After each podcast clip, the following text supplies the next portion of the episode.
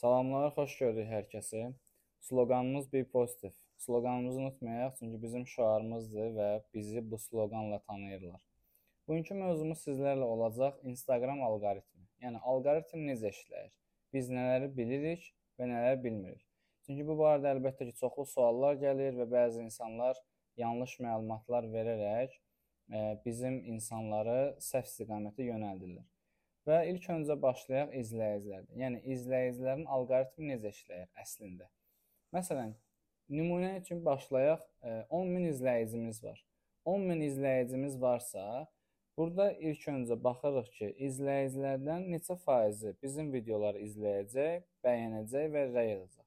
Burada Instagram bizlərə göstərdiyi alqoritm budur ki, əgər bizim tutalım 10 min izləyicimiz varsa, gələn izlənmə sayı minimum olaraq 10% götürülür. Bu da hardasa 1000 baxışıdır. Yəni minimum olaraq deməyək, 500 də ola bilər, 1000 də ola bilər. Yəni minimum olaraq 500 mindən başlayacaq videonun baxış sayı.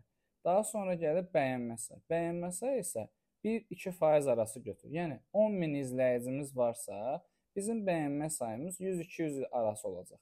Yəni az da ola bilər, çox da ola bilər. Sadəcə yəni minimum gö göstərilir ki, 100-200 bəyənmə olsun Və əlbəttə ki, rəylər də ki, yəni, nəzərə alınmır. Yəni ola bilər ki, 10 min izləyiciyə görə 1 rəy gəlsin və yaxud 5 rəy gəlsin.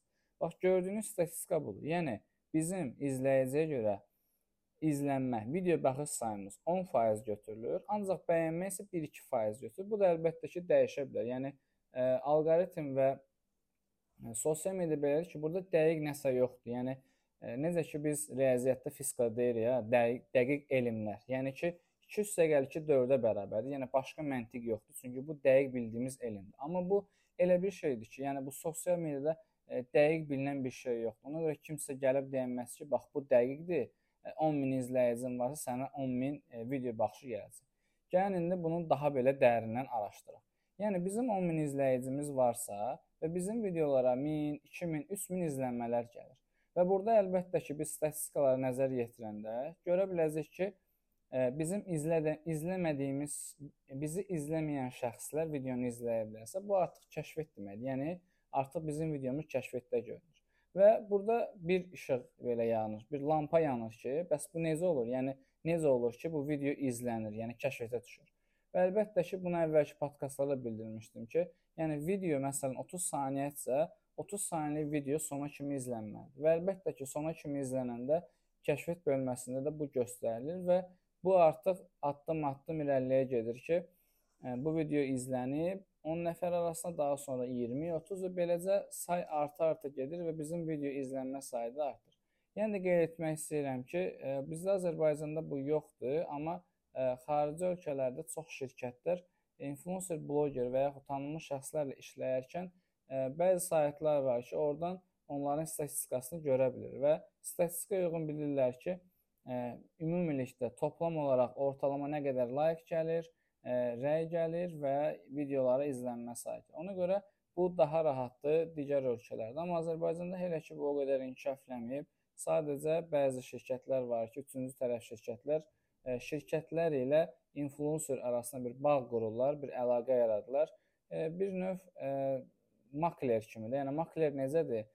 Satıcı və alıcı arasında bir əlaqə qurur, bağ qurur Bu həmçinin də burada belədir ki, bu şirkətlər influencer blogerlərlə şirkətlər arasında ə, e, əlaqə qururlar və ə, e, belə deyək də o işi həll etmiş olurlar ortaq şəxs kimi.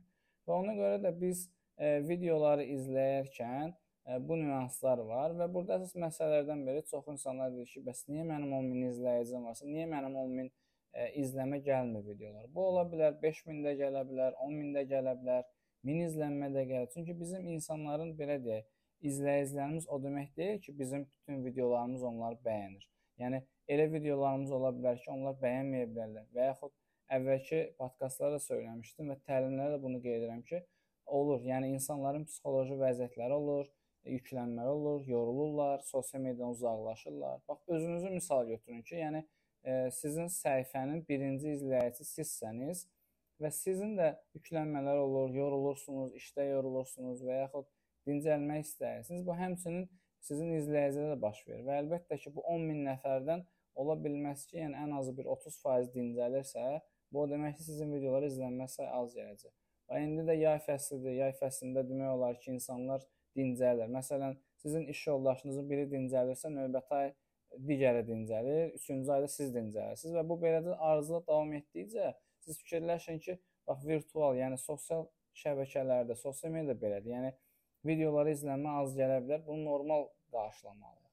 Və əlbəttə ki, e, yenə də qeyd etmək istəyirəm, e, həmişə də qeyd edirəm təlimlərdə ki, e, əgər bir səhifə açırsınızsa, şəxsi brendinq haqqında fikirləşiniz, fikirləşirsiniz ki, öz biznesiniz, öz şəxsi brendinizi yaradasınız, o zaman bunları qoyursunuz qırağa. Yəni ki, izləmə sayıdır. Buna fikir vermirsiniz, bəyənmədir, videolara baxış sayı, izlənmə sayıdır və rəylərdir. Bunların heç birinə fikir verməyin. Yəni statistikanı bir unudun. Onu görməzdən gəlin. Sadəcə fikirləşin ki, video çəkməlisiniz və videoları Instagramda və yaxud digər sosial şəbəkələrdə paylaşmalısınız. Sadəcə ona fokuslanın. Kontent tapın və reelslər çəkin. Kontent tapın, reels çəkin. Və beləcə bir müəyyən müddət keçəndən sonra siz statistikanı görəcəksiniz. Amma ki, e, video izlənmə sayı gəldi və yaxud e, belə deyim, mənim 10 min, 100 min izləyicim var, mənim səhifəmə videolarımı izləmə az gəldi. Bu normal haldır. Yəni biz e, fikirləşin ki, e, məsələn, nümunə kimi göstərim ki, e, məsələn, çıxmısınız çölə və çöldə gördüyünüz adamlar var və pul müqabilində təklif edin ki, bax mən sizə 5 manat verəcəm, daxil olun mənim videomu izləyin. Baxır, görür ki, o deyil, e, sürüşdürür və deyir ki, yox, mən sizin videonu izləmək istəmirəm. Bəs bir növ siz e, pulu itirmiş olursunuz. Amma burada məsələ odur ki, e, izləyicilər bəyənməyə bilərlər. Yəni e, onun başqa fikir ola bilər, yanaşma tərzi fərqli ola bilər. Çünki hər insanın özünün şəxsi fikri var, düşüncə tərzi var. Yəni sizin düşüncə tərziniz toqquşmaya bilər. Baxmayaraq ki, o sizin izləyicinizdir, sizin səhifənizi müddətli izləyir və yaxud yeni izləyicidir, amma bu o demək deyil ki, o sizin bütün videoları izləyəcək. Ona görə çalışın, burada əsas məsələ odur ki, yəni videoların izlənmə sayına, rəylərə və izləyici saylarına fikir verməyin. Sizin əsas fokuslanmalı olduğunuz məsələ kontentdir. Kontenti kim yaradıb?